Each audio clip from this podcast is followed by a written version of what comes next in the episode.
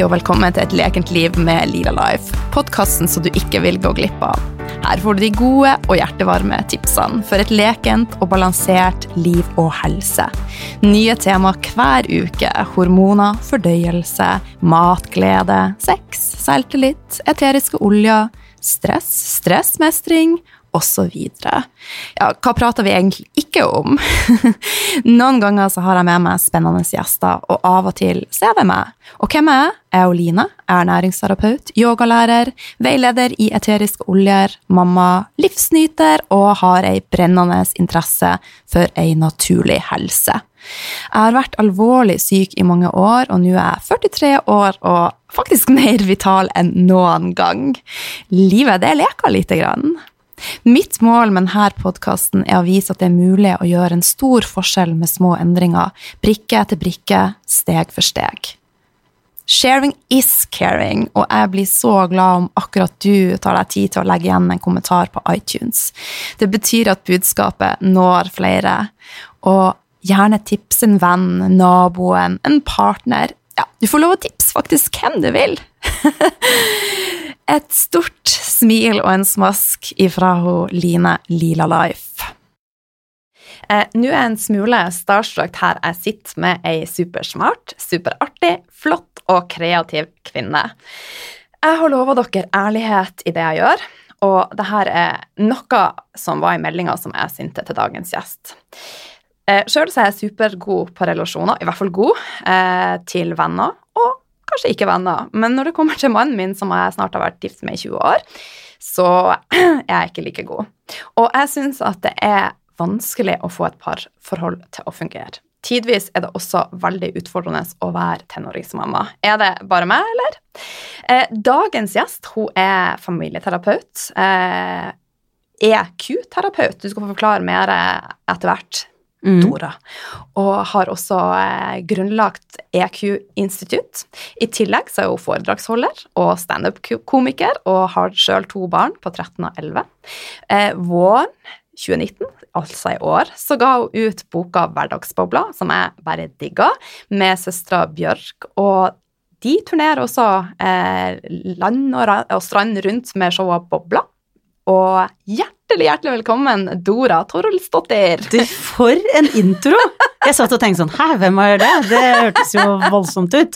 Det er du, det. Ja, det er visst det.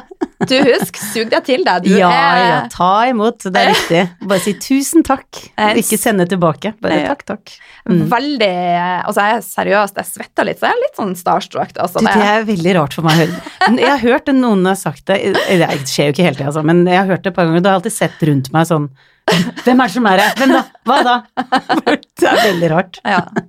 Men du, er en nysgjerrig person, yeah. og som du vet, så er jeg også ernæringsterapeut. Hvordan starta du dagen din i dag, og hva spiste du til frokost? Du, jeg eh, var litt skuffa fordi eh, jeg var og handla i går med datteren min, og så bytter vi på å velge det brødet vi har lyst på. Ja. Og jeg vet ikke hvorfor, men hennes favorittbrød er kneip. Sånn at når jeg skulle ta brød, så nei, stemmer det, Sara valgte kneip, som er det dølleste. Så har en skala, så er det definitivt på det dølleste brødet. Og så kan vi ikke kjøpe liksom ett brød til hver, for det blir jo helt håpløst. Så da tenkte jeg nei, nå har jeg kneip.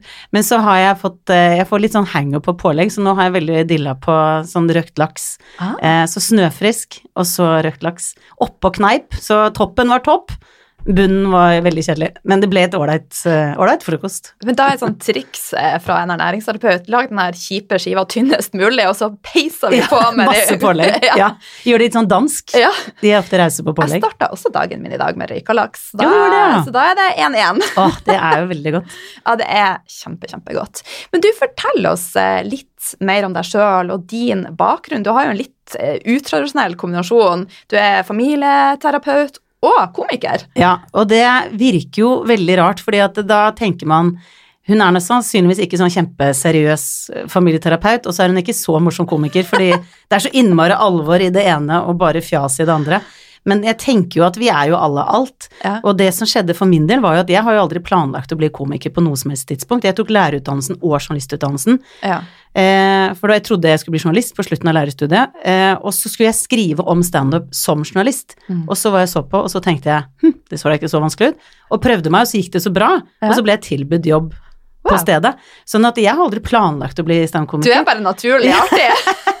Så da begynte jeg bare ja, ja, ok, men da gjør jeg det en stund. Og så gjorde jeg det i fire år, og så syns jeg etter hvert at mammas jobb som familieterapeut var så sinnssykt interessant. Ja. Så da endte jeg med at jeg tenkte nei, nå For det, da jeg slutta med standup så i 2004, så var jeg veldig klar Da var jeg 31 år og ville ha familie, og visste at det var veldig lite familievennlig yrke. Og så ville jeg drive med det mamma drev med. Så da tok jeg familieterapiutdanningen, en dansk familieterapiutdanning med Jesper Juel som hovedlærer. Og så var jeg borte fra standup i ti år og holdt foredrag og starta det, det som heter EQ-institutt. og eh, holdt mye foredrag og var liksom på scenen, men, men med ting jeg syntes var viktig å formidle. Som handler veldig mye om hvordan du møter barn i forhold til å øke selvfølelsen og Og det var min verden. Men så da det ble slutt med Jon, min eks, Mm. så satt jeg og tenkte det var jo ikke sånn det skulle bli, og den setningen gikk igjen. At ja, men det var, Jeg hadde jo planlagt et mye mer vellykka liv. Jeg skulle jo ikke bli hun derre fraskilte dama med to små barn og liksom være hun mislykka Ikke sant. Det er jo litt sånn skam i det å ikke ha fått det til. Ja. Eh, og så tenk, plutselig så slo det meg kanskje jeg skal lage standup om det, og så skrev jeg et show, og så tok det helt av. Så plutselig var jeg tilbake til standup uten at jeg Det var ikke planlagt Nei. at jeg skulle drive med begge deler, og så har det blitt sånn at jeg driver med det i tillegg til det jeg brenner veldig for, som er da eh, å formidle dette her med å hvordan bli mer glad i seg selv, Mm. som er veldig mye av essensen av det snakker om. Det her er musikk i mine ører, for du føler jo virkelig hjertet ditt, og du jobber med det som du elsker, og det er, tenker jeg, det er så viktig å gjøre. Ja. Ja. Det er, eh, det er veldig lystbetont å ha fulgt hjertet sitt hele veien og ikke gått på tvers av seg selv. Ja. jeg tror eh, Altså, jeg har jo gjort det i løpet av livet også, men, men da merker jeg det så fort. Hvordan, når du går på akkord med deg selv, hvordan kroppen sier ifra ved at du mister energien og gleden. Og så mister du deg selv, på en måte. Ja. Så, så jeg er veldig sånn Egentlig litt stolt av at jeg har lytta til meg selv, og så tror jeg at jeg har vært så heldig å ha to foreldre som har lyttet til seg, flytta fra Island til Norge, og, og de er jo gründere begge to, for de ville gå sin vei.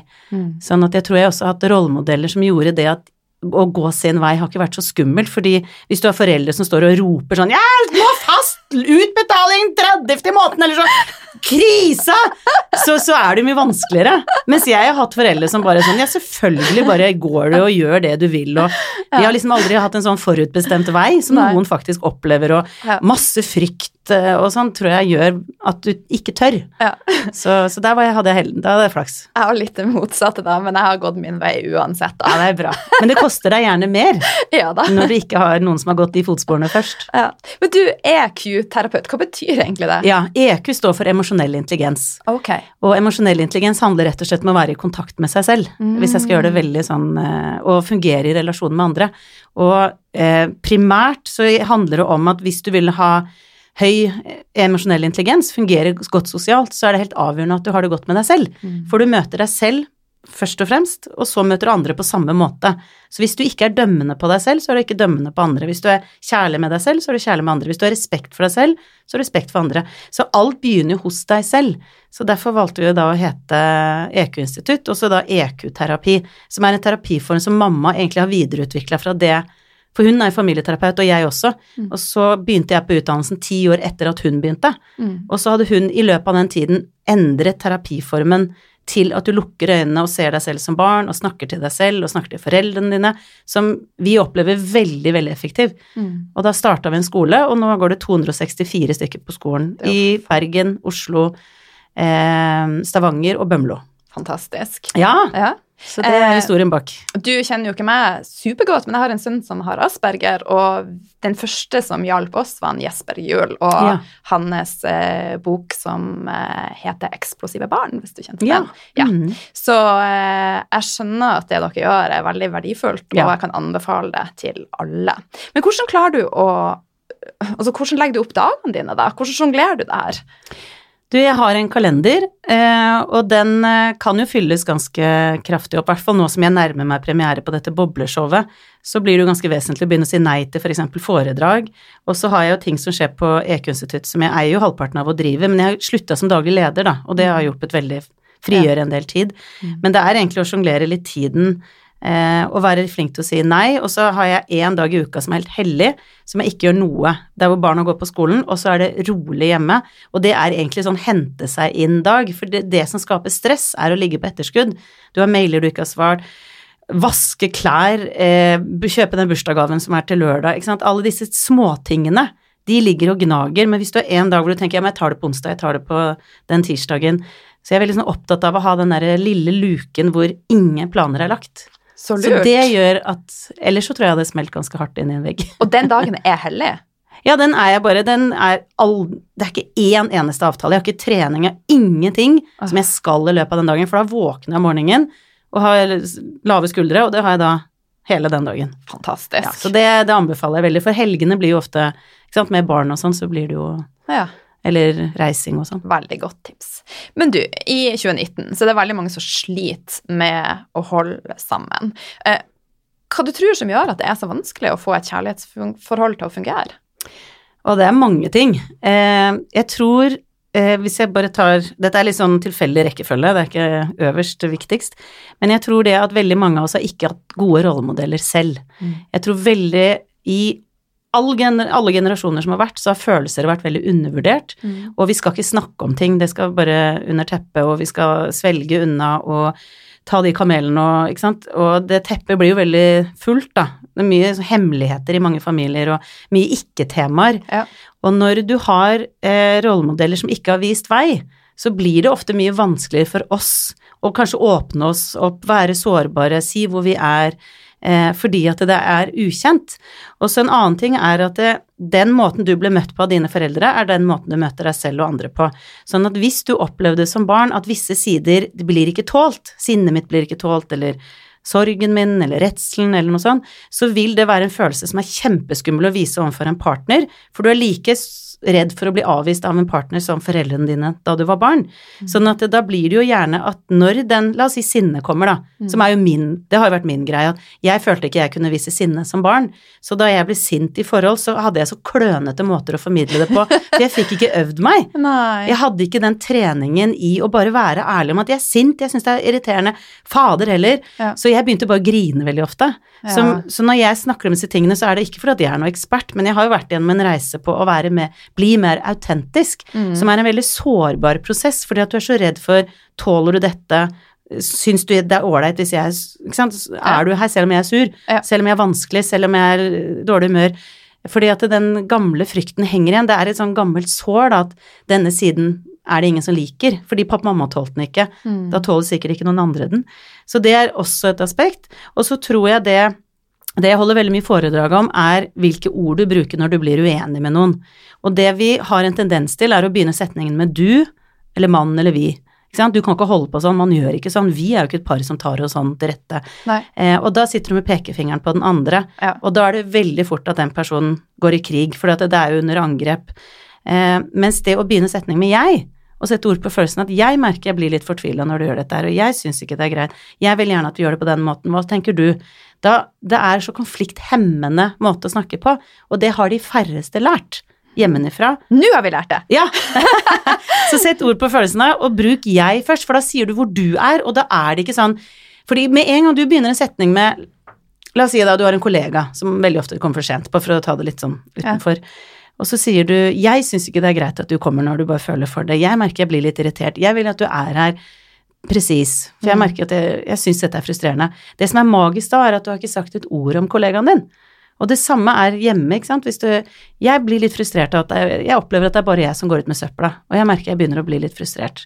Jeg vil gjerne at du gjør det litt oftere. Er det en må måte vi kan gjøre det på, sånn at Ikke sant, at du tar annenhver uke eller annenhver dag eller et eller annet. For da har du ikke sagt 'du tar aldri ut søpla, du er umulig', ikke sant. Det er det som er Ja. ofte roten til utrolig mange konflikter, Ja. er dette angrepet, istedenfor at vi sier hvor vi er. Ja. For da blir det mottatt på en helt annen måte. Det var veldig smart, altså. Ja, ja, ja, eller smart. Ja. Det er i hvert fall Veldig veldig logisk, i hvert Ja, fall. ja. Ja. Og, så, og det tror jeg veldig få er vokst opp med, og derfor kan de det ikke. Og så blir det mye kløning som kan, kanskje kan, kunne vært unngått da, med andre ord. Ja, så jeg. Ok, det skal jeg ta med meg. Mm. Men du, har du lest boka 'Menn fra Mars, kvinner fra Venus'? Du, den leste jeg for mange år siden, men jeg husker den gjorde veldig inntrykk. Ja. Mm -hmm. jeg hører mye podkast, og jeg hørte akkurat et intervju med han eh, som har skrevet boka, mm. og han mener at et problem er jo den maskuline energien som vi damer nå har tatt på oss. Vi skal fikse alt sjøl. Så menn mister litt sin identitet, eh, og vet ikke helt sin rolle. Hva tenker mm. du om det? Jeg tror at uh, det er noe i Altså, jeg, jeg har liksom to, det er liksom tosider, fordi at på den ene siden så er jeg mektig imponert over menn og den farsrollen menn har tatt. Ja. Fordi at det, de aller fleste menn i dag som er fedre eh, til barn i dag, de hadde ikke fedre som var tilstedeværende noe særlig. Sånn generelt, hvis vi skal gjøre det veldig generelt, Ja. så har de fleste hatt veldig fraværende fedre og deprimerte mødre. Det er egentlig sånn min fasit på hva det har vært. Det, har ikke, det er en grunn til at folk sliter, for å si det Jo, sånn. men du, jeg må bare si en ting, for det han sa også, var Ja. jo at mennene var ute og jobba. Ja. Kvinnene er hjemme med Ja. barn og hus, Ja. og så har de faktisk ikke sex etter de har fått de ungene de skulle ja. få. ja. Det er jo ikke rart de blir deprimert. Nei, det er liksom, det er ikke noe fellesskap der. Nei. Det er ikke noen sånn felles arenaer som toucher hverandre. Nei. Og veldig sånn adskilt. Når du kommer hjem, da skal du slappe av fordi du har jobba hele dagen. Ja. Så du trenger ikke å involvere deg i familien, og da blir du ikke noe nærhet til de du bor sammen med. Nei. Hvis det ikke er noen Du trenger å gjøre en innsats på hvordan var dagen din, og hvordan er det med deg, og jeg syns du virker lei deg, er det noe sant? Da kommer det nærme Når vi snakker om følelser, det er limet i alle relasjoner.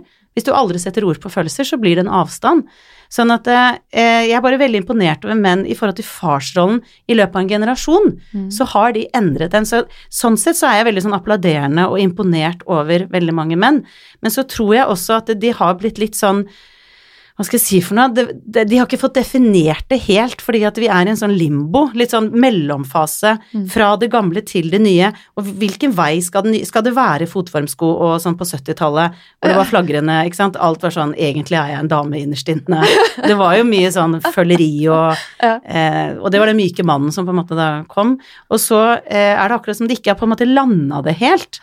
Eh, på er det greit at kona mi skifter dekk, eller er jeg mindre mann nå? Mm. Eh, hvordan er denne fordelingen her? Fordi nå jo, klarer hun seg helt fint, Mm. og jeg tror det kan være litt trussel for en del menn at de vet at blir det slutt, så påvirkes ikke hun noe annet enn at jeg ikke er her, men økonomisk går det greit, Mm. hun klarer seg, hun fikser alt, og den er en litt sånn sårhet, tror jeg, hos en del menn, og dette har jeg hørt også når jeg har hatt pariterapi, Ja. at uh, jeg trengs jo ikke. Nei. Så jeg tror det å si høyt når kvinner setter pris på ting menn gjør, om det så er at jeg ser at du går på jobb hver dag og jobber så hardt, Mm. og jeg setter veldig pris på hva du bidrar med inn i familien. Altså det høres jo veldig sånn banalt ut, Mm. men det å bli verdsatt er jo å bli sett. Ja.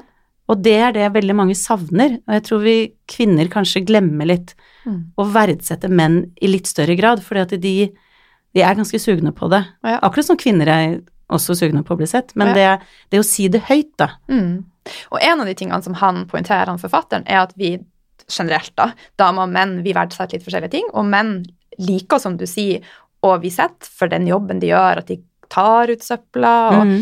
eh, de vil nødvendigvis ikke, ikke prate så mye med si dame. Vi vil prate, og så vil vi egentlig ikke ha et svar. Vi vil bare bli anerkjent for den praten. Hva Mhm. tenkte du om det?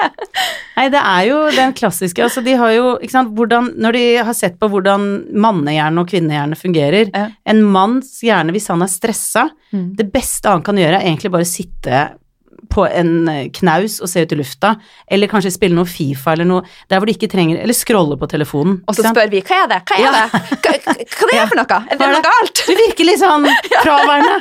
Det er en måte å bare debrife for seg selv og bare lande, Ja. gjerne i stillhet. Altså, menn går gjerne på fisketur i timevis og sier ingenting til kompisen ved siden av. Ja. Det hadde jo vi klart i ett og et halvt minutt, ikke sant? Eh, mens kvinners måte å avreagere på er jo gjerne å sette ord på det, men de trenger ikke noe svar. Nei. Hvis de kommer hjem og sier vet du hva, Bodil på jobben, hun er sånn, og så sa hun det, og du vet jeg blir så lei av Bodil, og så sa Bodil, og så kommer han og sier sånn, ja, men, og da føler jo han at han har fått 15 problemer i fanget sitt, Ja. og så blir han sliten, for han tenker, nå må jeg fikse det.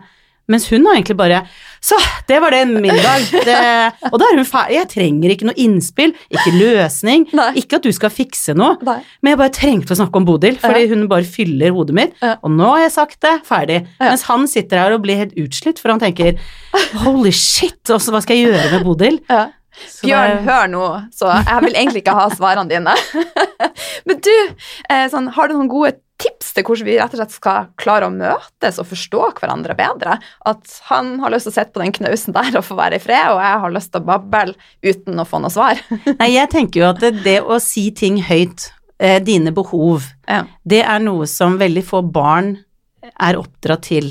Hva, er, hva vil du, og hva er riktig for deg, og For hvis du blir stilt det spørsmålet som barn, så blir det naturlig for deg å gjøre det som voksen også. Hva har jeg egentlig behov for nå? Hvor er jeg? Hva skjer?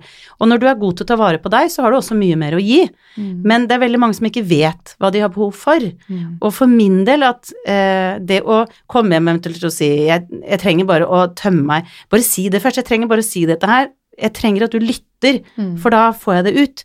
Da har han liksom fått en oppgave.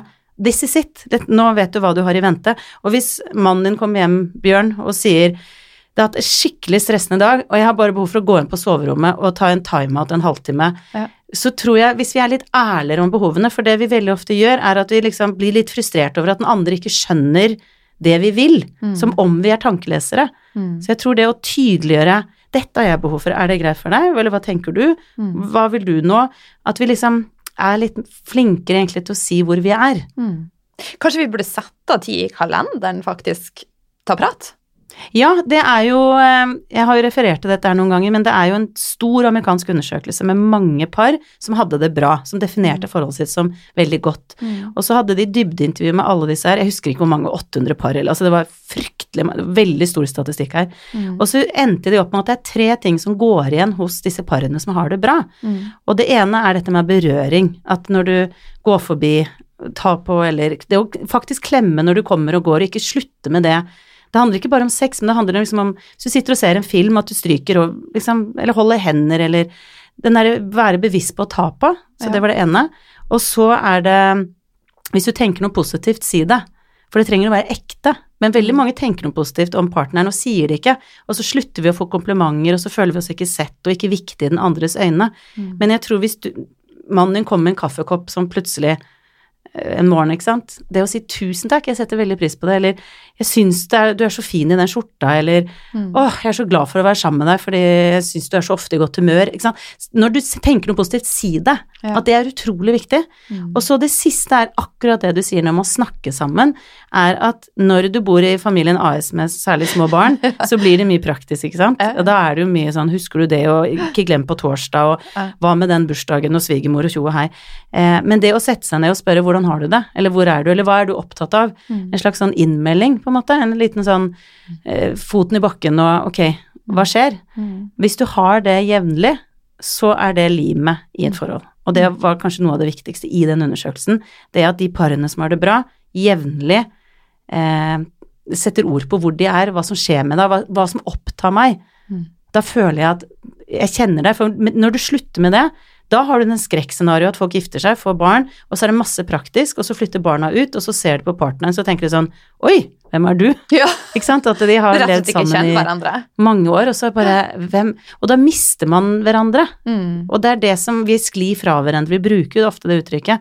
Og det er gjerne når vi slutter å snakke om hvordan vi har det, og Ja. være interessert i hvordan er det for deg nå på jobben, det har jo vært en vanskelig tid. Jeg, jeg er genuint interessert i ditt liv. Mm. Det gjør at vi føler oss sett. Ja. Men du, eh, sex er jo noe som eh, er problematisk for mange. Og så i en fase der vi jakter, så er jo hormonene de herjer. Altså, da har vi jo automatisk lyst ha sex. Men så kommer hverdagen over oss, og det passer ikke inn, og så klarer man ikke å kommunisere. Og, eh, hva er dine beste tips her til å klare å ja, hold piffen, rett og slett? Du, hadde jeg hatt et helt enkelt svar på det, så hadde jeg vært veldig rik, tror jeg. Fordi det er jo eh, en utfordring i veldig mange parforhold. Men jeg tror at vi, vi klarer liksom å sette av tid eh, Ja, jeg trener hver tirsdag, ikke sant, og så treffer jeg søsteren min annenhver torsdag eller en venninne eller et eller annet, og så gjør vi sånn og sånn. Men så glemmer vi sex, som at det er faktisk noe som trengs å ivaretas, for det blir så fort rutine på å lage middag, og så kanskje legging av barn og litt sånne ting, og så setter vi oss ned og ser på en serie, og så er begge to helt utslitt etter pizza, og så er det Netflix, og så er løpet kjørt, på en måte. Mens jeg tenker jo at sånn, for å sette det i gang, for eksempel, la dette her høres at fredag kveld, da har vi sex. Det er bare satt inn. kvart over ni. Ja, eller det er liksom da Og det å kanskje sende noen meldinger i forrige gang, glede meg til fredag, eller Ja. noe undertøykjøp, eller begynne å liksom gire hverandre opp til noe. Ja. Bare gå litt tilbake til sånn som det var i starten, med at jeg har lyst på deg, Ja. eller jeg tenker på deg, eller åh, eh, nå er det bare fire timer til, eller Ja. liksom å ha noe som er litt fast, for vi trenger faktisk å prioritere det litt mer enn når det bare voff, Ja. sklir vekk. Så er det noe med å hente det inn igjen, og da kan eksempel det å ha Ja. eh, en fast dag til å begynne med, da. Ja. Eh, og så tror jeg at det veldig mange tror at ok, da blir det på kvelden når vi legger oss, og så er de fleste Altså, folk er jo helt utslitte. På kvelden, ja. Ja, Mm. så jeg tror nok at det å tenke alternativt Mm. at vi møtes hjemme i lunsjen, og så har vi oss, liksom. At Ja. du tenker litt utafor boksen også. Ja. Og ikke bare den derre Vi får se at det skal skje naturlig av seg selv når begge to bare drømmer om å få sove. Jeg er jo nerd på hormoner, sånn at det er jo med å regulere mm. også lystene våre. Så det å ivareta hormonene er kjempeviktig. Og kanskje spesielt damer som kommer, Mm. i, kommer i vår alder. Mm. Men menn, eh, når de har hatt sex, så fordobles deres nivå av testosteron. Mm. Så det skjer også noe menn når de ikke får ha seg. Mm. Det er det vi sier på Nord i Nord-Norge. Ja. Ha seg. Ja. Eh, de blir sur, inneslutta, og jeg tipper det kan gå i en periode, men hvis de ikke da får seksuell omgang, så tror jeg bare sånn biologisk at de begynner å se i andre retninger. ja, Ja. dessverre. Ja. Men jeg tenker jo at eh, det, særlig hvis du har små barn, så er det noen som på engelsk kalles mom mode. Man er i mammamodus. Mm. Eh, Det var ikke verre enn det, hvis jeg oversetter. på engelsk heter det det, og på norsk heter det, ja, ganske logisk, mammamodus. Når en mor er sammen med sine barn, ikke sant, så har barna veldig mye behov Mm. som hun skal dekke, og hun selv kommer liksom i siste rekke. Så da trenger du mat der, og du trenger bleie der, og sånn. Og hvis da mannen kommer inn og sier sånn, hei, jeg vil ha sex med deg, så blir det enda et behov hun skal dekke, Ja. og da blir hun ikke kåt. Nei. Og hvis han begynner å mase, Mm. nå er det lenge siden, og øh, så blir det som en treåring som vil ha is. Det er det samme som skjer, det vet du hva. Ok, greit, du får is for du har bedt om det 30 ganger, men dette her gjør jeg bare fordi du har mast, ikke sant. Det blir ikke lystbetont, og det er ganske fare for at hvis du gjør det mye, så mister du lysten på sex, Ja. og det har skjedd med ganske mange damer. Ja. Sånn at det jeg tror jeg trenger å få kommunisert ut, er at hvis en mann har lyst på sex, Mm. det å komme hjem, for la oss si at det er to barn øh, og en mor, og så sier han, jenta mi, nå foreslår jeg at du tar med dette vinglasset, og så legger du det i badekaret, Mm. og setter på noe fin musikk, Mm. og så bare har du det hyggelig, så skal jeg ta med barna her, Mm. og så legger jeg de, for eksempel da. Eh, og så ses vi i senga etterpå, så bare har, koser du deg og kan se på et eller annet, eller Mm. eh, lese en bok eller noe sånt, Mm. så ses vi etterpå. For da kommer hun ut av mammamodus, Ja. i tillegg til at hun føler seg veldig ivaretatt på jeg overtar fortet her, Mm. nå har du litt egentid. Da blir hun kåt. For det er sånn Wow, er jeg så viktig at du gidder liksom å gjøre disse tingene her, og jeg kan melde meg litt ut? For at når du er i den mammamoduset, så bare Alt som minner om mas. Fordi det er ganske intenst å ha i hvert fall små barn. Og tenåringer er også kjempetøft. Jeg har jo en på Hun blir 14 om et par uker.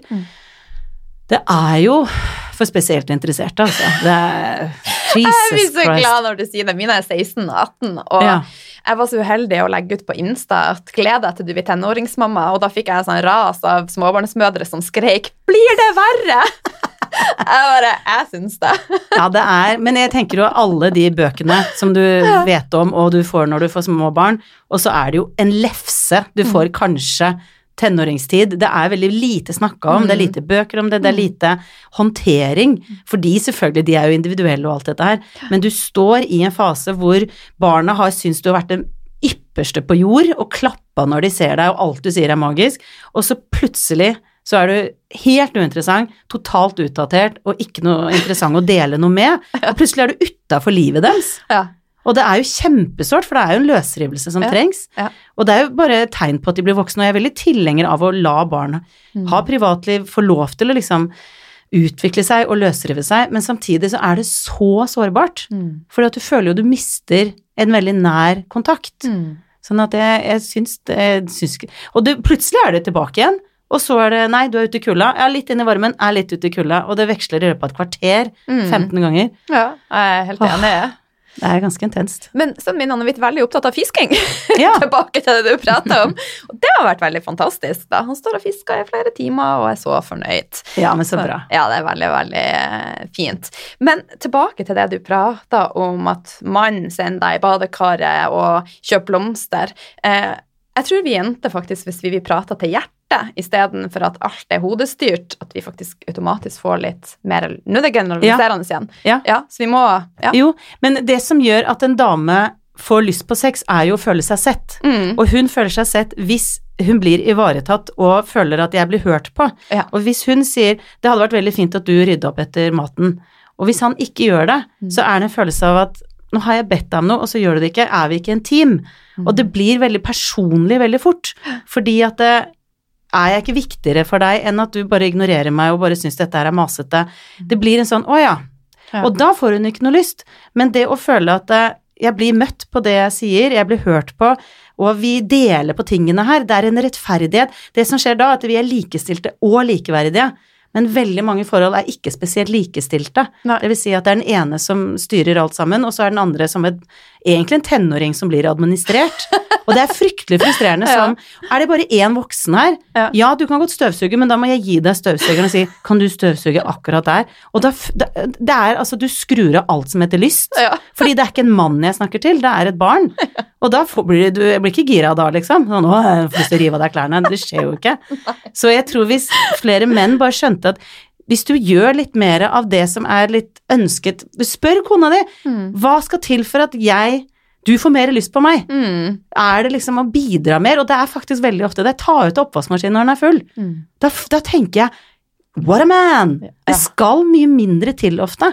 Mm. Mens med menn så føler de seg mer elsket når kona vil ha sex med deg. Så det er jo et, et mysterium at vi skal leve sammen, for det er så mye motsetninger her. Men hvis kona har lyst til å ligge med mannen, ah, da elsker hun meg. Ja. Og da kan jeg gi tilbake, for nå føler jeg meg elsket. Da kan jeg, da kan jeg skryte av deg og gi komplimenter og sånn, men da trenger sexen å skje først.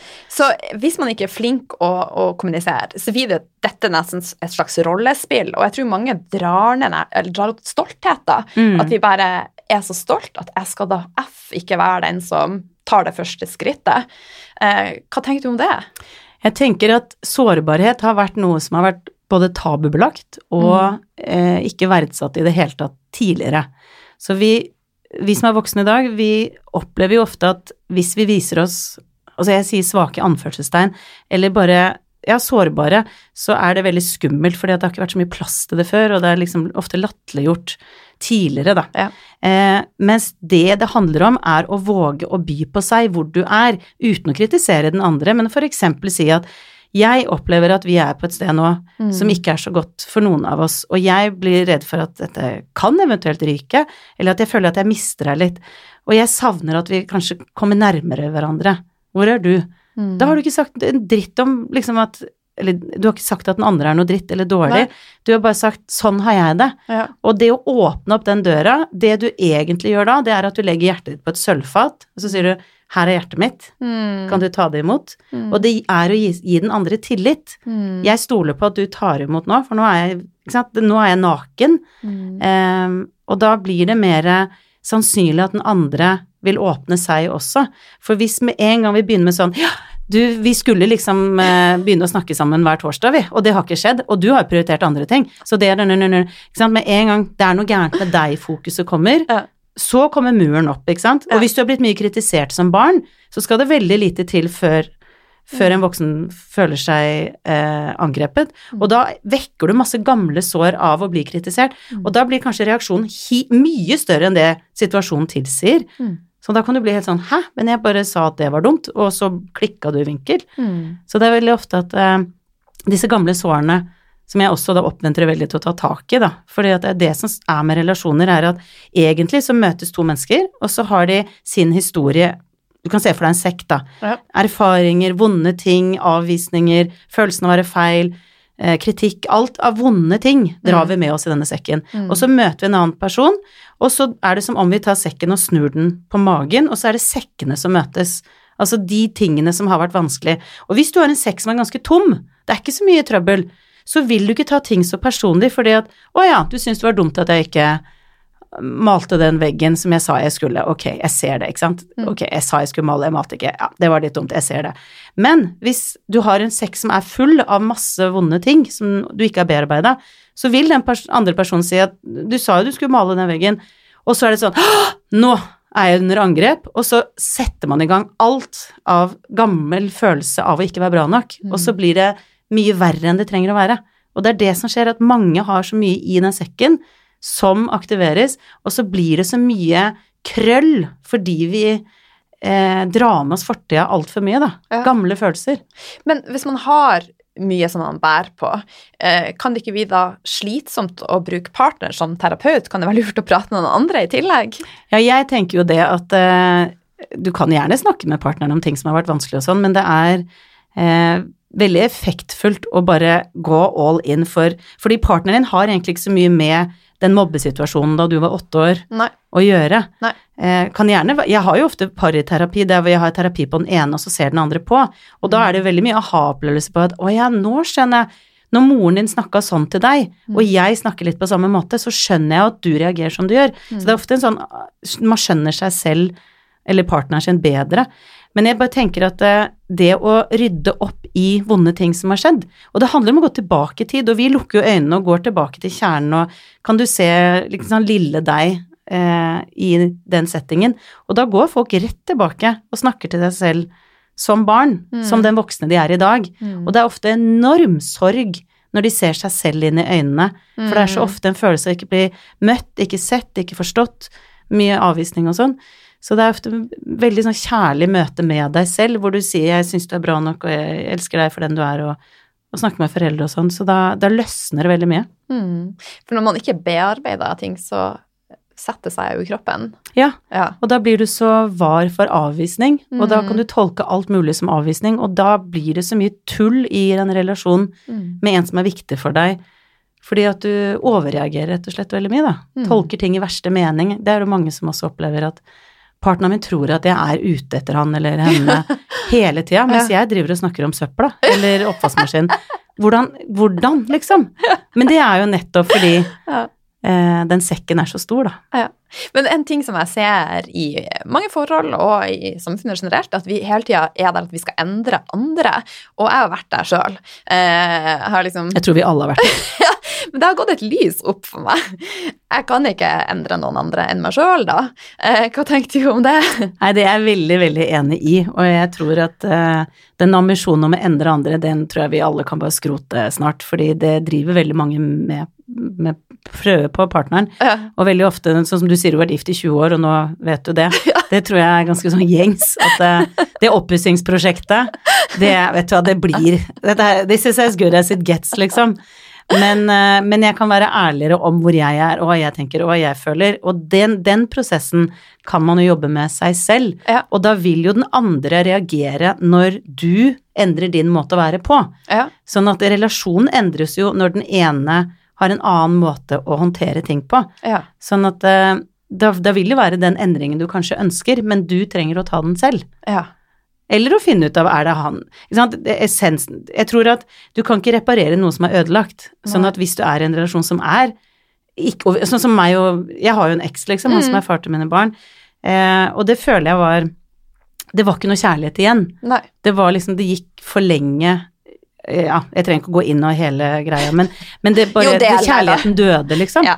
Eh, og da blir det jo litt som å få liv i en død potteplante, at det samme hva du gjør, du kan vanne så mye du orker, Mm.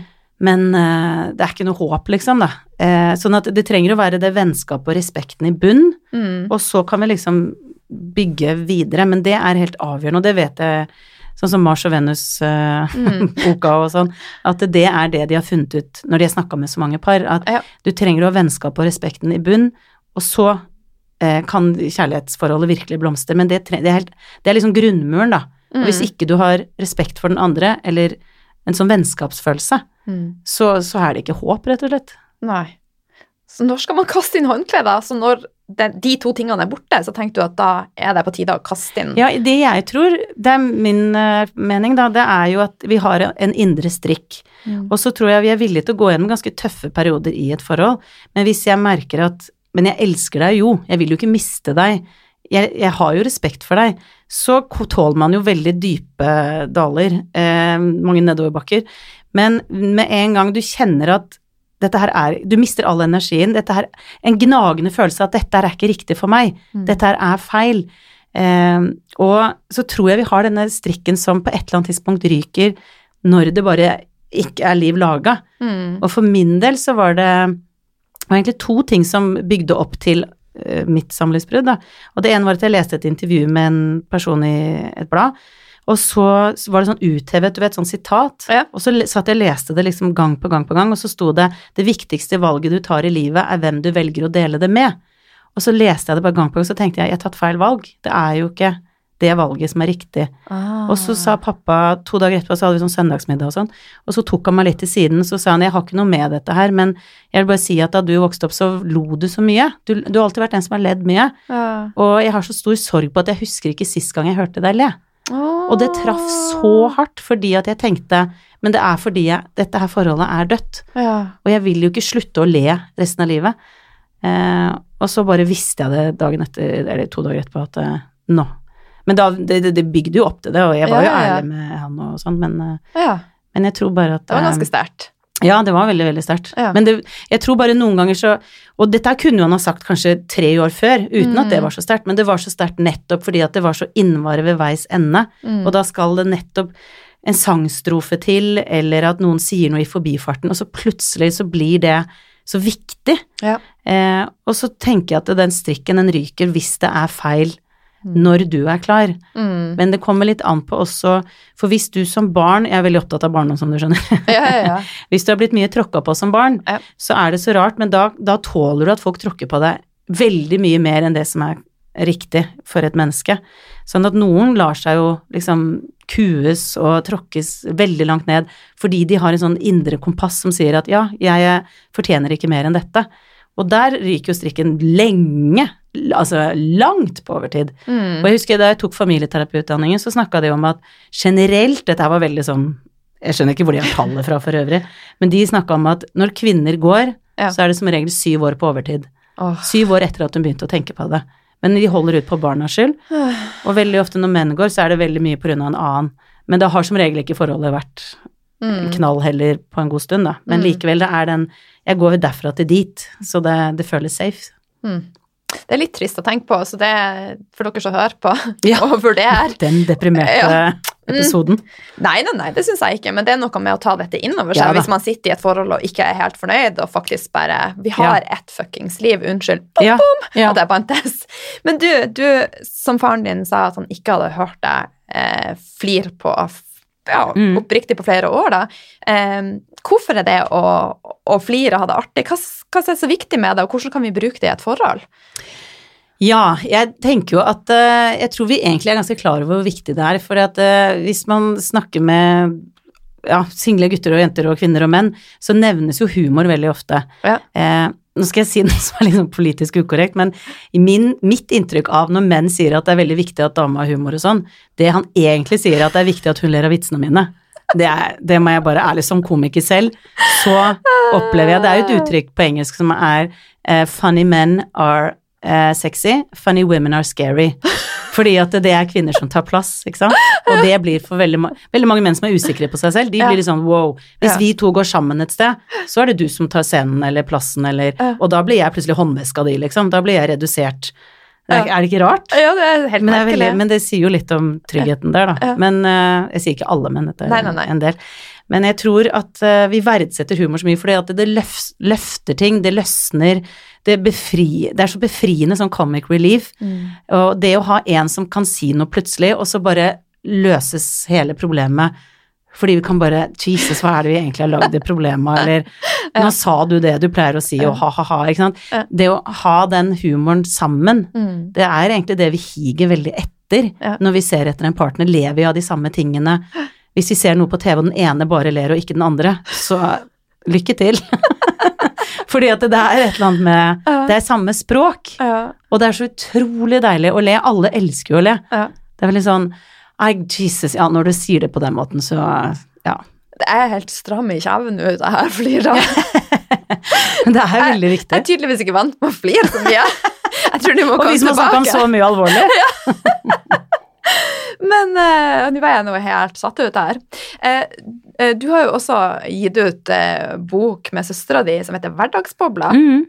Jeg er veldig opptatt av Jeg kaller det å være livskunstner, og det er det samme som hverdagsbobla. Å finne de her små tingene i hverdagen som Mm. bare er boblende. Når du, eller dere, lagde denne boka, hva var tanken? Tanken er at vi har laget et show som heter Bobler. Det er syvende høsten på rad eh, som vi har det. Det het Lykkebobler først, fordi Bjørg har en cava som heter Lykkebobler. Eh? Men så får vi ikke lov av Vinmonopolet og Norsk Ah. Alkoholgivning eh, å hete Lykkebobler, for da er det reklamealkohol, som er jo litt artig. Men Så derfor heter vi nå Bobler, og det det handler om er veldig mye av ditt forhold til deg selv, og, og få det til å bli bedre. For jeg opplever at kvinner i større grad enn menn er utrolig kritiske til seg selv. Mm. Sånn at den boka handler rett og slett om hvordan få det bedre i livet ditt. Eh, og lete etter disse lommene som beriker og fyller. Og da er jeg veldig opptatt av at grunnen til at veldig mange får veldig mye alvor og kanskje mister litt den derre gleden i hverdagen, er at det er så mye fokus på det de må. Må og bør og skal. Jeg må jo dra dit, jeg bør jo virkelig det, jeg skal jo nå begynne med dette her. Mens ordet vil er kanskje mitt favorittord. Fordi at når du spør deg selv vil jeg, så spør du deg. Og det som er helt dødskult med ordet vil, er at hvis du snur det rundt, så står det liv. Så det blir mer ditt liv hvis du gjør mer av det du vil. Og derfor er jeg ja, Kan tro jeg var fornøyd når jeg oppdaget det. For hvis du tar ordet skal og snur det rundt, så blir det laks. Så det er ikke så kult. Jeg har snudd alle ordene for å se, eh, så derfor var det veldig kult at vil ble liv, da. Det var uh, flaks. Men, det er, uh, men jeg tror det er veldig veldig undervurdert, det at når du står overfor valg, at du spør vil jeg, for det har du med deg selv. Og når, med en gang du gjør ting fordi du må, bør eller skal, og du overhodet ikke vil, da mister du gleden og energien. Det er kroppens måte å si nå gjør du ting du egentlig ikke har lyst til. Mm. Og så mister du deg selv gradvis. Uh, Og jeg har absolutt vært deg selv, altså, for all del. Jeg har ikke Hvem har ikke det? ja, at du plutselig tar det og tenker sånn Er det noen lyspunkter her? Er det, hva er det jeg gjør for meg? Ja. Og så tror jeg at det er veldig mange mødre Jesper Juel hadde en sånn veldig mantra, da, og igjen så vet jeg ikke helt hvor han har tallene fra, men han mente at hvert halvår så bør mødre dra en uke vekk fra familien sin. Ikke ha med mann og barn, men bare én uke med noen venninner eller et eller annet. Fordi at det, eh, det er altfor mange som sier at ja, vet du nå er sønnen min tolv år, og jeg har aldri sovet en natt borte fra han. På en måte aldri har den derre jeg trenger tid for meg. Ja. Fordi at når jeg fyller mitt batteri, så har jeg mer å gi. Mm. Det er ikke egoistisk å ta hensyn til seg selv, men det er egoistisk hvis du anser dine behov som viktigere enn andres. Det er da man blir egoist. Men hvis mine behov er like viktige som andre, Ja. og du vet at eh, barna er ivaretatt, og, og så er det noe med den kontakten med far kanskje også. Hvis mamma er veldig dominerende, så kan far komme litt nærmere barna. Ja, faktisk hun slipp de til. slipper de til, ja. Ja. Så det tenker jeg også er litt viktig, da vet både barna og far at det går jo veldig fint om vi også er her. Det rakner ikke uten mamma. Nei. Så jeg er egentlig litt enig med Isbjørn, men akkurat der har vært halvår, det må jo ikke være det, altså. Men, men jeg tror bare at det er litt avgjørende at vi er litt gode på å ta litt bedre Fordi altså når, når menn får barn, så slutter ikke de på bandy. Eller slutter ikke å gå ut med gutta og drikke øl og se på fotballkamp annenhver fredag, eller De slutter ikke å leve livene sine. Nei. Mens kvinner bare poh, Ja. Der! Nå er alt som er gøy, eh, slutt, og så tar jeg opp tråden om 18 år. Ja. Og da er det gjerne sånn, da er, er de ganske små utgaver av seg selv, fordi at det er, har vært for liten sånn e, Hva syns jeg er gøy? Mm. Og til slutt så er det gjerne en følelse av at sånn, jeg vet faktisk ikke hva jeg liker, jeg, for jeg har ikke hatt spurt meg det i 18 år. Så jeg tror det er bare veldig viktig å ivareta sine interesser, sine ting, Mm. eh, og, og virkelig liksom Jeg sier ikke du skal dyrke deg selv og se på navlen din og gå bananas på, eh, på ting og tang, men, men litt mer enn det jeg opplever at mange mødre gjør. De ofrer seg altfor mye for barn og familie og kan aldri gjøre noe uten at alltid de skal være med. Nei. Vi er jo nødt til å ta maska på oss sjøl først for å kunne ivareta andre. Mm. Ja, det er jo en klassiker, da, men eh, Ja, ja, ja. ja. ja. Og jeg tenker at man trenger ikke å reise bort, man kan jo bare dra på spa. Man kan Ja. fær, som du nevnte, dra ut og spise med vennene sine, men heng med venner og gjør andre ting enn Ja. å være mamma. Jeg husker, Nå blir det veldig mye spiola, en eller annen merkelig grunn. Han døde jo nå i sommer, eh, i juli. ja. Men han var jo da min hovedlærer, og eh, jeg syns det var litt interessant, for han var jo blant annet i Tyskland og snakka altså på et fotballstadion. Det var så mange foreldre, det var helt sånn kjempesvært arrangement. Mm. Og da hadde han snakket en del med disse ungdommene eh, i forkant, og så spurte han de blant annet Hvis jeg skal si én ting til dine foreldre på vegne av deg, Mm. hva vil det være? For dette spør jeg da alle om. Vet du hva det vanligste svaret fra de tenåringene var? Nei. Get a life. De Ah. tre ordene. Oh, Get wow! a life. Ja, tre ord. Fordi det det betydde var at slutt å lage mitt liv til ditt prosjekt. Slutt at jeg skal liksom gjøre drømmene dine sanne, eller sitt slutt å stirre på meg og håpe at liksom mitt dagsform avgjør ditt liv, liksom. Gjør noe for deg. Ja. Og det er litt sånn, så det er litt misforstått den der at vi skal bli så altoppofrende, særlig kanskje når de blir eldre, Ja. men at vi også har et liv. Mm. Fordi at vi er jo rollemodeller også for barna på at de ser at mamma gjør ting som gir henne glede. Hun går på Zumba hver mandag og treffer noen venninner, og, og hun kommer tilbake i pluss og veldig glad. Masse energi. og da lærer jo ja. de at det er faktisk litt viktig å ta litt hensyn til seg selv. Mm. Mens, ja, så jeg bare syns det er litt sånn interessant at eh, det Ja. var den beskjeden. Ja, det var jo fantastisk. Ja, og veldig overraskende for mange. Ja, Sånn, ja, «Hæ?» Get a life! Men du, er tilbake til eh, det showet. Altså, eh, jeg opplever at veldig mange er opptatt av en fasade. Alt skal være så jævla plettfritt. Og der har jeg også vært. Jeg skrev til deg at jeg husker ei jul jeg satt og vaska vaskemaskinen. Altså, jeg kom meg ikke i seng før julaften starta. Og jeg bare tenkte dette er ikke ok. Heldigvis har jeg tatt til fornuft, da. Men hva er det med den jævla fasaden? Du, det fasaden som jeg tenker, det er at eh, den vanligste oppdragelsesformen som har vært, det har vært den autoritære oppdragelsen. Og det er å få betinget kjærlighet. Det har vært sånn barn har blitt oppdratt til i veldig mange generasjoner, og det henger igjen fremdeles. Men de fleste av oss er blitt Jeg er også blitt møtt autoritært. Det vil si at når jeg gjorde noe riktig, så følte jeg meg elsket. Når jeg gjorde noe feil, så følte jeg meg avvist. Det er betinget kjærlighet. Og det som skjer da, er at det du gjør, avgjør din verdi. Og det kvinner er lært opp til fra tidligere og kulturelt og tradisjonelt, er jo at hvis du leverer et plettfritt hjem, eh, ser fresh og flott og fin og ren ut, så har du liksom check, du har vært å elske. Sånn at veldig mange assosierer det med at når jeg gjør noe riktig, da er jeg verdifull. Sånn at jo mer jeg da gjør av det som er korrekt og riktig og forventa, eh, da blir dette her bra, ikke sant. Så da higer man egentlig etter den aksepten eh, som gjør at du gjør mye, sånn som å stå da og vaske så sent. For hva, liksom? Ja. Det er jo den frykten for at hvis noen kommer her og tar meg på at herregud, har du ikke vaska der, Mm. så, så mister jeg litt av min verdi. Mm. Så vi er så knytta, selvfølelsen er så knytta til hva vi gjør, Mm. og derfor blir det du gjør så viktig. Og hvis du har da fasaden på plass, da er du verdt å elske. Da har du Mens det vi har så mye fokus på i boka og bobleshow og generelt i alt vi gjør, er jo at det å stå støtt i seg selv, jeg er bra nok som jeg er. Ja. Og jeg personlig er jo veldig lite husmoremne, og dette vet alle rundt meg, og det er veldig små forventninger til noe som helst, særlig sånn kjøkken og mat og Jeg er ingen kokk. Altså, jeg kan følge en oppskrift, Ja. eh, men jeg har, har litt av den Altså, noen kan jo åpne et kjøleskap og bare Oi, det er purre og rømme og en halv agurk, liksom. Da vet jeg hva jeg skal lage, mens jeg bare skjønner ingenting av å lage noe uten at jeg Ja. Jeg er totalt motsatt. Ja, helt sikkert. Det Ja. satt jeg og tenkte på, at dette her er eh, Ja. Dette hadde du klart helt utmerket å Ja, men det er det noe som er så fascinerende. Vi er forskjellige som Ja, men det har ikke noe med min verdi å Nei, gjøre. Det er det jeg skal fram til. Er at det er noe jeg er dårlig på. Jeg er dårlig på hagearbeid. Jeg er kjempedårlig på å tegne. Jeg synger veldig falskt. Jeg vet om masse ting jeg er dårlig på, Ja. men så er jeg god på andre ting, ikke sant. Og det er bare at det er ikke skinne rent hjemme meg, hos meg til jul, for det har jeg ikke både tid til, men jeg prioriterer ikke det så høyt. Jeg har liksom en vaskehjelp som kommer annenhver uke, og det er det. Eh, sånn at Jeg kom med en diett. ja. sånn at det er det å koble fra det jeg gjør og den jeg er, Ja. mens fasade handler veldig mye om at det jeg gjør er den jeg er. Mm. Så derfor trenger jeg å ha det så flott her, fordi at da er jeg mer verdifull. Mm. Og det gjør at vi har det dustete fasadeopplegget Mm. som vi har veldig lyst til å skrote, Det er noe helst så fort som mulig. Ja, bort med det. Eh, jeg ser tida begynner å eh, bare renne ifra oss her. Jeg har lyst til å prate med deg i flere timer. Men eh, det her var et spørsmål jeg fikk fra en av lytterne. Du har ikke sett det, og jeg visste hva jeg ville ha svart. Eh, men jeg har lyst til å høre hva du tenker, og dette er noe som jeg ser er en sånn gjenganger i samfunnet. Eh, så jeg leste opp. Eh, jeg kan for min del ikke huske en eneste dag med handa på hjertet si at jeg er lykkelig.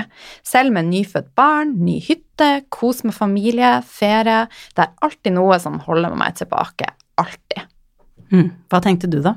Jeg tenker at hvis man leter etter lykka, lykken utafor seg, så vil du aldri finne den, for du Mm. finner den inni deg sjøl. Og lykke er ikke noe som er permanent, det er flyktig, så det handler om å finne de små boblene i hverdagen, rett og slett. Mm. Ja, det er de blaffene. Ja. Det er den derre åh, akkurat Mm. nå, å, så deilig, og Ja. så går, går det gjerne over. Ja. Men det kan være liksom små ting. Mm. Ta av deg høyhæla sko etter en fest. Ja. Bare åh, det var deilig. Fantastisk. Men det er bare det å legge merke til de Mm. små tingene. Og så tror jeg dessverre at noe som Nå blir jeg veldig terapeuten her, da, men inni oss så har vi en, en slags indre søppelkasse. Mm. Og der skjer stygge kommentarer, eh, vonde opplevelser, følelsen av Det kan være kjærlighetssorg, det kan være så mange ting som har vært sårt og vondt. Og hvis den søppelkassa er veldig full, Ja. og så ligger på en måte Så tenker jeg at lykken ligger litt under der, da. Så trenger ting å trenge igjennom. Og jo mindre det er i den søppelkassa, Mm. jo mer plass er det til gleden. Men hvis du har den ganske full, så er det veldig mye frykt. Og egentlig er vi i verden enten med kjærlighet eller med frykt. Mm. Og du har veldig mye frykt hvis du har mye kjipe ting, for du er egentlig redd for at du skal oppleve de vonde følelsene igjen. Mm. Så du er liksom på alerten hele tiden. Mens hvis du bearbeider ting du har vært igjennom som har vært kjipt, så vil du ha oftere en følelse av at ah, det var veldig deilig, å, det var koselig, å, den kommentaren var hyggelig, og, eh, og jeg tror en annen ting som, og dette her er veldig egenerfart, altså, det er at jeg hadde innmari mye frykt i livet mitt da jeg starta som gründer, vi tjente nesten ikke noe penger i starten, jeg hadde to små barn, og samboeren min var veldig syk, han har vært i koma og ja, han var veldig syk, eh, og vi hadde dårlig råd, og disse to var barna, og jeg bare kjente sånn Jeg skjønner ikke Dette her er jo ikke noe gøy. Eh, og da kom jeg over at takknemlighet er en følelse som fjerner frykt. Så jeg øvde meg på kvelden og tenkte på tre ting jeg var takknemlig for.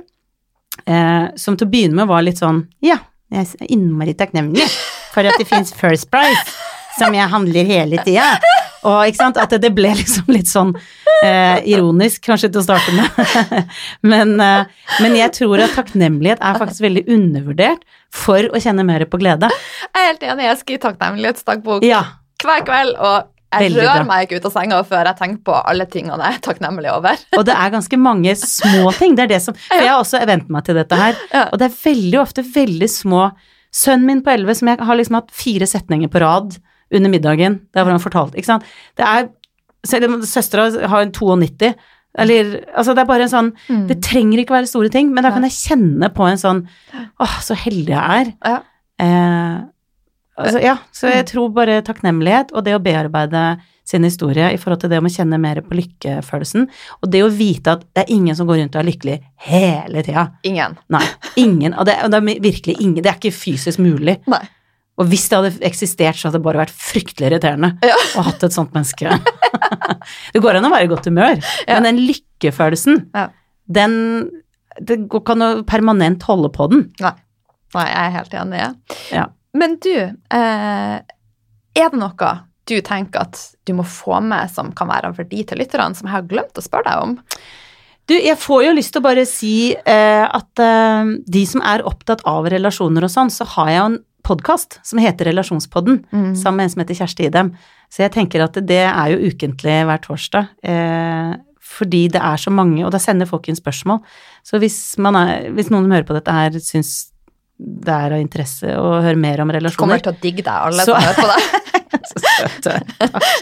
Nei, men eh, da er det en podkast som heter Relasjonspodden, som jeg syns er veldig gøy å ha. Ja. Da får jeg liksom kommunisert ut mye av disse tingene. Og så reiser du og turnerer. Eh, Ja, ja, så er det bobleshow, og da kan du gå på bobleshow.no. Der er oversikten og 23 steder, og vi skal til Bodø blant annet. Yay! Så jeg gleder meg veldig til det. Og vet du hva jeg skal gjøre før det? Nei. Da skal jeg på roadtrip til USA med ei venninne. Nei, skal du? Mm. Fordi du vil, eller må? Vil. Ja! Og da tror jeg det blir en veldig fin tur. Ja. Intensjonen er der. Tusen hjertelig takk for at du tok deg tid og Veldig faktisk hyggelig. ville være med. Jeg ville med hele meg. Det var Ja. veldig hyggelig å være her. Og du har vært med og gjort en forskjell i liv. Ja.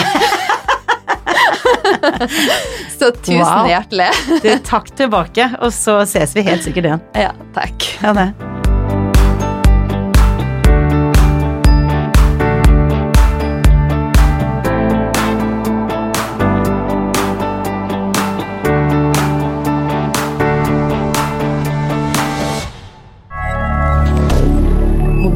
D'accord.